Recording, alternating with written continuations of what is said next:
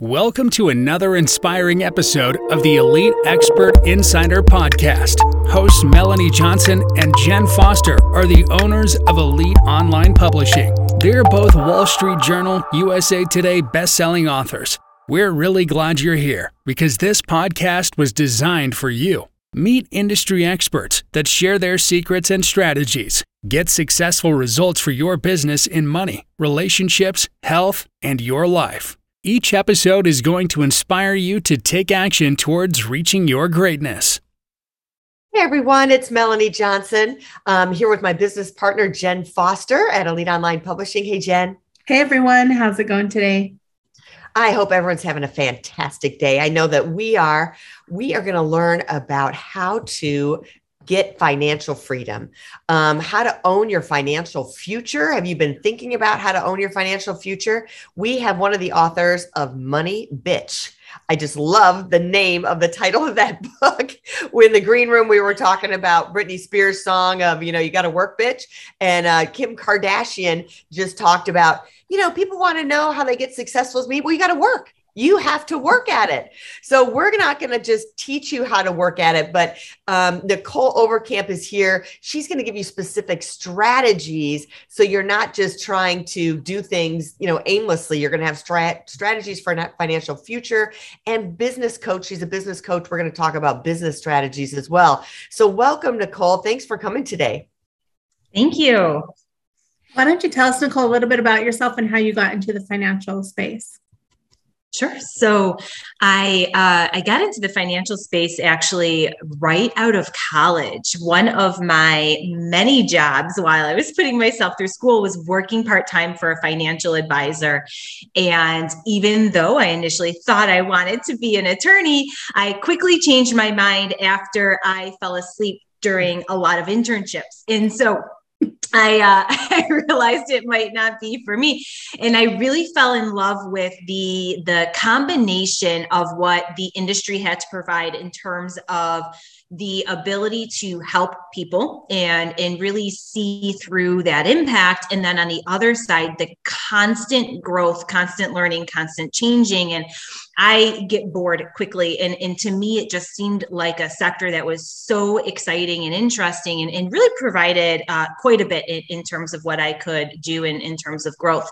So that is, is how I got started. There, there wasn't, um, you know, I, I, didn't want to be a financial advisor when I was a child. And so, um, you know, and grew from there. And, and i stayed with a very large financial firm for a few years and realized as i learned more about what it was like to be in the real world that it wasn't for me. It wasn't in alignment with who i was becoming who i wanted to serve. I, I wasn't interested in the big company heavy sales heavy competition as much as i was in true holistic financial planning. And so in 2012 is when i, I founded wilcox financial group and wanted to create a space where it wasn't intimidating. There wasn't a huge dog and pony show where there's this big unnecessary formality around wealth building and true financial advice. And so we, we created this boutique firm and wanted to be comfortable, a space for women to come in and feel vulnerable and be able to talk about anything while we give them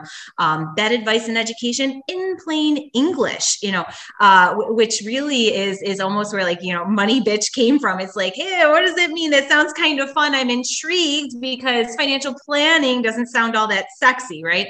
Um and and so over the years I, I grew the firm and then uh, from that came Pow Her House Money Coaching, which uh, through Pow Her House really uh, was formed because of all the things that we weren't able to do through uh, Wilcox Financial or the lessons I learned. So uh, the money coaching is is really that boot camp for women who aren't ready for financial planning yet. Sometimes that's overkill, and you just need to work on your mindset, your habits, your behaviors, and then the business coaching and the programs that I created behind that really came from the experience of failing fast uh, from building the firm in, in an environment where everybody told me I was never going to make it, where working with women was a horrible idea, um, and in starting from ground zero to building it to seven figures. And so I, I learned quite a bit and, and learned what uh, not only what you need from a strategy perspective, but from a confidence mindset perspective. And now I, I spend a bit of time coaching other women in service based industries to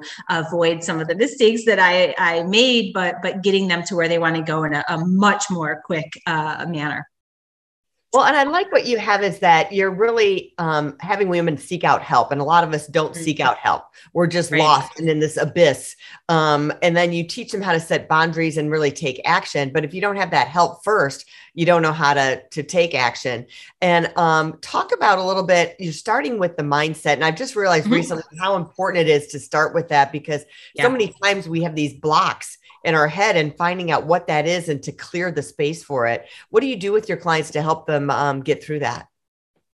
A lot of it is getting them to be honest with themselves and meeting them where they are. You know the, the reality of it is is building wealth is almost impossible if you don't have the right mindset in place the right disciplines. You know it, it's so much to do with that. And so getting them to to really think about what it is that they want to achieve and then knowing they're worth the effort to put in the work. You said earlier you know uh, kim kardashian was saying you don't get wealthy or, or you don't have what I have without working really hard and um, going through the financial planning process or, or, achieving any goal for that matter. Like you, you have to understand you're worth the effort, and that means to some degree uh, what society makes us feel like quote unquote selfish for, right? And in putting yourself first, it requires that, and it requires doing things that are uncomfortable consistently, not just once in a while. And so, uh, getting them to buy in on that and and realizing and owning that they're important enough to do these things and in getting them to anchor that future that they do see themselves having. And um, in releasing i think some of those fears as well currently that might be holding them back in in those blocks that some of us have. And um, you know women you know myself included we're so good at, at fabricating these stories in our heads that aren't necessarily true or we're hung up on an old an old self versus what our future self is capable of achieving. Yeah. and so, um, you know, working through all of that is is so critical before we we really get to that next level. Yeah, I like what you said about that because besides your mindset, you do have to have that self worth and know your value. Mm-hmm. And a lot of times we have a past that pretty much was telling us that we didn't have value or that we didn't contribute, even though we were doing everything behind the scenes of, mm-hmm. you know, yeah. making it all work, um, making the, the, the wheels go around. Well, tell us a little bit about like I know that's kind of putting you in a vulnerable space, but tell us some of the mistakes you made or what not to do. Um, because mm-hmm. I know you talk about that a little bit. Sure. So uh, the the biggest mistake I think that I ever made early on was not asking for help. You, you know, I uh, because from from early on in my career i was made to feel that I, I wasn't good enough wasn't going to be good enough. I was constantly fighting to prove i was. And uh, i was terrified to ask for help when i started my own business because i was hell-bent on figuring it out myself and proving to the world how you know successful i could be and it held me back probably uh, you know a few years where I, I, could have gotten a lot more growth a lot quicker but i was just too proud. Uh, i was too scared for someone to think i was incompetent or couldn't handle it. And so that was probably the the most costly mistake that i made because if i would have hired a coach sooner um, I, I would have been ahead a lot quicker. And, and that still hurts today. Still you know it, it really does. And and the second is the confidence factor. You know i i um you know i wish i would have believed in myself sooner. I wish i would have been okay with promoting myself sooner and what i do and really believing in the impact that we make. So so those two things are, are probably the ones that I, I believe held me uh, back the most in growing the company. You know you talk about getting that help um, I remember having uh, reaching out and did some real estate investment with a group that I thought knew way more than I did. They had been in the business for a long time, and they actually ended up stealing a lot of money from me. Oh, so no. there's that oh, there's a, that level of how do you vet the people and find the right mm-hmm. people to align with? Because I think that's a scary thing for women too. It's like, well, I'm going to trust somebody with my money or I'm going to take this leap to invest in X, Y, and Z. And what if I lose it all or go underneath? So it's that part. And then I want you to talk about so asking, like, how do you vet people? Mm-hmm. And then a lot of our audience, you know, may not have a lot to start with. They're just doing paycheck to yep. paycheck. How do you get started um, to build wealth when you're just paycheck to paycheck? Sure. So, um, two questions, and, and the first is, you know, how do you vet someone to work with? I think uh, there's there's one uh, loosey goosey answer of the go with your intuition. I think that's really important. Women have that. And we when we listen we're usually right. And so there's there's that one intuitive piece you know if the relationship the conversation initially doesn't feel right something feels off trust that and move on. There's plenty of people to to interview and work with. But second to that is asking the right questions. And so it's really important to ask the questions like have you helped people like me? Tell me some scenarios. Talk to me about examples. Uh, do you uh, have the type of experience that I'm actually seeking? You know, sometimes when we're stressed out in business, we it, it's easy to grab the first thing that comes our way because anything feels like a relief. When often we throw money at the the wrong solutions and it ends up not getting us the result that we were seeking. It was just a, a short term relief. And so it's really important to make sure that the person you're looking for help uh, with is able to get you the specific result that you're looking for. And then, if in a, especially even in a business coaching scenario, but wealth building too, right? You want to work with someone who is is experiencing, experienced, or achieved what you want to achieve. Uh, very, very important. You know, you don't want to work with a, a financial advisor who just filed bankruptcy, or you don't want to work work with a business coach who's only achieved six figures in their business and you want to grow to seven you know you, there's very different stages to that. So asking those questions and and then uh, another really good thing too is is looking at their referrals um, looking at their references and and seeing what other people are saying uh, because again that that proof in the pudding is is really important too just to be sure that you're not just kind of getting sold this bucket of hopes and dreams. So uh, and we actually put a list together of questions to ask a financial advisor too for for individuals to go and interview because uh, we truly believe that we want it to be a two-way fit. You know we're not the the right fit for everybody. And we encourage people to, to talk to two or three people and, and pick the one that you want to to be with for for a long time and then how do you get started uh, building wealth without wealth?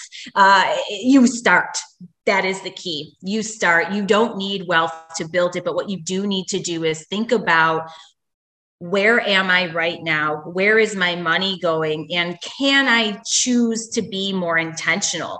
Again, sometimes we tell ourselves this lie like we can't or we won't or we'll wait until then. And the reality of it is, is if you take a look at everything that you're currently doing, you can probably start. And so even if it's as simple as just putting three to 5% away in your 401k plan, if you work for uh, an employer or starting to do it yourself in your own investment account, I promise promise you, um, you know, that money is going to snowball. And, and there's so much value in, in the time value of money, but it's really taking a, an overall look of what you currently have, what's coming in, what's going out, and then where can you simply start in terms of setting money aside and, and, saving it but then what are your goals right? And, and making sure that you're starting to put your money where your goals are and in getting real with yourself there too because so often we're busy as hell and we just don't realize what we're doing. And often we don't even realize that sometimes where we're putting our money is in direct conflict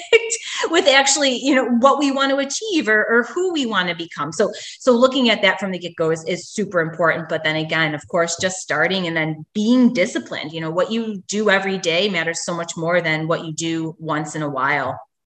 I love that you said write write it down, like write down your goals. Yeah. Because you can have a vision of what you want and and be like moving towards something, but like you said, if you don't have it concrete, like your smart goals or having it written down exactly what you're shooting for, then you're not going to achieve it. You're going to, like you said, you might be veering off to yes. what you're really, you're really wanting to achieve. You're exactly right. So tell us a little bit about, let's kind of jump into the business part of it. Um, what are strategies for growth um, for a business? What, what, how do you attack the strategies for growth for a business? Sure. So uh, the first thing is what is growth to you? And so looking at where you currently are right now and where you want to go. Growth is a relative term. It means something different for everyone. And so I think the first thing is asking yourself what what that is. And then from there reverse engineering and saying, okay, if I really want to scale or I want to grow to X, will my current business model get me there or not? Um, and, and sometimes we actually don't realize that we're only one person. If we keep going at this rate, it's never going to happen. And so, really taking that internal audit and seeing if your your current business model will get you there. Do you need to tweak your systems? Do you need to add automation? Do you need to grow your team, uh, or do you need to actually add a scalable service or product? Uh, sometimes, especially in service based industries, we don't realize that if we die, our business dies. If we can't work, our business dies. And so, you know, really taking a look at that as well. And then uh, the next part of that is not only uh, does your business model allow for the growth that you want to have, uh, will your current pricing get you there? And so, mm-hmm. um, how much time are you spending per sale, not only with the client if you're service based, but we forget to add in the before and after part. And then, um, does your current pricing model allow for growth? Does your current pricing model allow for you to have the take home pay that you want to have, the profit that you want to have? I think sometimes we get so hung up on revenue, we forget that the profit's the only thing that counts. And so, um, you know, taking a look at, at those things are, are really a good start. Yeah, I like how you said, you know, taking a look at can you get to the goal that you want with your current model? Because I think a lot of times, you know, like we were talking about before, you feel like you can do it all yourself. You have to prove something. And you, you know, once you start hiring people and actually get a bigger, bigger, bigger company, you can't take on all the responsibilities yourself. You do have to outsource and let other people do the work and i think a lot of times as women we we definitely take on too much and say oh we mm-hmm. got that we got that we got that instead of actually have asking for the help like you said before and having that mindset of i can have a bigger company and have employees and have all these things and it will work out you know yeah yeah i mean it's so important as a, a business owner to as much as you can focus on your zone of genius and not your zone of competence. You know, anything in your zone of competence, ultimately you want to hire that out, right? Mm-hmm. And just keep working higher and higher toward toward that zone of genius because truly that's where you're going to be the most profitable, the most productive. Um, and then the best way to, to to really put people who have then your zone of competence, their zone of genius to really maximize the potential of your company. Mm-hmm and management how, what do you teach about management? Because that's such a big piece too to be able to manage mm-hmm. people. And people get overwhelmed with that. Oh yes it's good times. Uh, so the, the, I think the part is is first of all depending on who you need to fill your team. If you are leading or managing, those are two very different things. Mm-hmm. And then um, if that is the case, what what types of people do you need? And and what I actually encourage uh, business owners to do is when you're looking at filling your team and who you need to fill those roles, think of psychographics first then the um, actual demographics and the skill set that they need to have. Because oftentimes you can coach and train skills. You can't coach and train the soft skills the personality the culture fit the self starter the you know the person who's really going to fit. And so um, that is going to be your biggest investment that that you make in your company is your team. And so finding the right people and not being um, I, I think uh, blinded by just a resume is really really critical. So so that's the first thing is is taking a look at that but then when you're looking at um, your team and managing your team and, and leading them, it's very important to be open minded. It's important to make sure that you're setting a cadence for regular reviews and and um, and looking within as well. I love the 360 review style where you know when you do that review with your employees and and you're asking them, hey, you know what, like what can I continue doing? What can I start doing? What can I stop doing? Um, those are scary questions to ask, but the feedback feedback is is invaluable. It, it really is, and, and making sure that you um, are giving them the feeling to have ownership in their position as well, uh, and making sure that they have the the confidence and the latitude to really run with with their job, and and they feel comfortable being creative, comfortable giving feedback and advice as well. You know, you're hiring them to do their job. You're hiring them to lead that department of your company. You shouldn't be in a, hiring someone that you need to micromanage. You know, that's that's a waste of your your time. So, um, you know, those those few things there are important considerations. What do you think the biggest mistake business owners make that you see when you're coaching them when they come into your program? Oh, well, uh, I, think the first is not realizing their potential. You know, a, lot of women just don't realize or want to own right away what they're capable of achieving because it's really terrifying.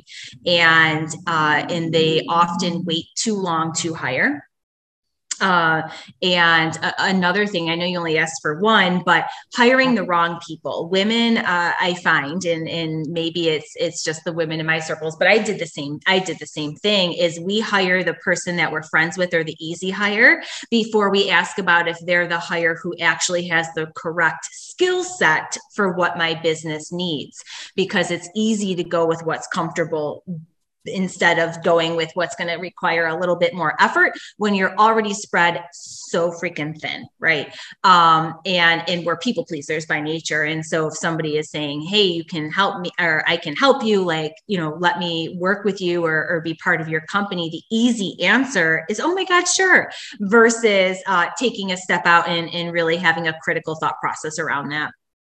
Yeah, I think that's key. Let's bring it back to money. What do you think the top three investments are right now? I know there's a lot of talk about cryptocurrency and NFTs, and you know, there's a lot of talk about real estate and virtual real estate. Like, what would you say are the top three investments people should look at and where putting their money? Sure. So, um, as being a, a, licensed financial advisor, I really can't give specific advice yeah. about the top three investments. But what I would say is that you should look to invest in what you understand. Really important. You can make a lot of money in the NFT space, in the crypto space, in real estate, or the traditional stock market. Um, all of those are good. But what is key and critical is that you understand it. You understand what you're doing. You understand what a good point is to buy in um, and what to sell you know so often and, and i just got this question the other day you know oh the market is going down a lot should i wait to invest my money um, no no you should not right? You you know the idea is to buy low sell high. You don't want to wait until everything's high again and then put your money in you know but but that's what feels right because right now feels scary right? So um, you know there's this famous warren buffett quote of you know when everybody is greedy you should run and when everyone is running you should be greedy right? Um, and in really looking at that but but I, I just truly can't speak enough to making sure that you understand what you're investing in and, and buy what you know and get. Don't buy what your friends are talking about or what you're reading about on the internet because someone making millions of dollars in the nft space is because they're probably extremely integrated into um, that that network and really understanding the investments. That doesn't mean the same for you. And so uh, you know that would be my advice. Great. Great. Thanks for coming today today nicole. Mm-hmm. my tell pleasure. us, tell us where we can go to find out more about you or to get your book Sure. So the best place to go is our Instagram account, uh, Pow Her House Money, and there's a link right in our bio to everything that we have: the book, our websites, the courses. Great. Well, we'll send everyone there and put that in the show notes as well as in the description on YouTube. Thank you so much for coming today. Thanks for coming. Remember to subscribe to our show because we always have fantastic guests like Nicole that are educating you, inspiring you, motivating you to make your life better every single day. And if you're thinking about writing a book, remember we guarantee you'll be number one bestseller with us, Elite Online Publishing. You can hit that submission button on our website and see if you qualify to work with us. We look forward to seeing you next time. Bye-bye. Bye. Hey, are you looking to increase your revenue, build credibility, and elevate your brand? This podcast is brought to you by Elite Online Publishing, an innovative publishing and full spectrum marketing company. They will publish and market your book to make it a number one bestseller. Becoming an author is the best way to market your business. So contact them at eliteonlinepublishing.com today. All of their authors become number one bestsellers.